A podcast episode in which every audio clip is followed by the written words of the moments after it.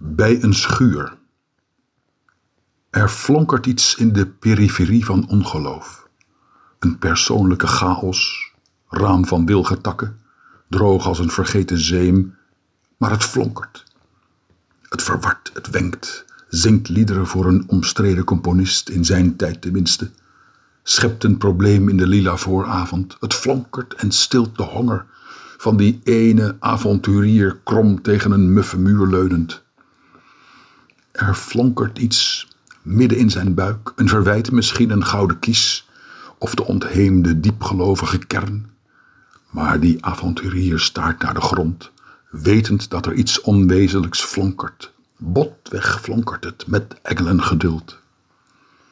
En de dakrand begint ook al. De uitzinnige massa, de stap secuur als een stiknaald. En verdriet om de zijstraat. En de verdovende stilte, alomtegenwoordigheid van roet. De armen beginnen, de kin flonkert, het was goed. De gestreepte kat begint, alles, het wenkt, het zwaait vaarwel. De tijd zich voortplantend langs de vochtige muur, eender als het fletse tikken.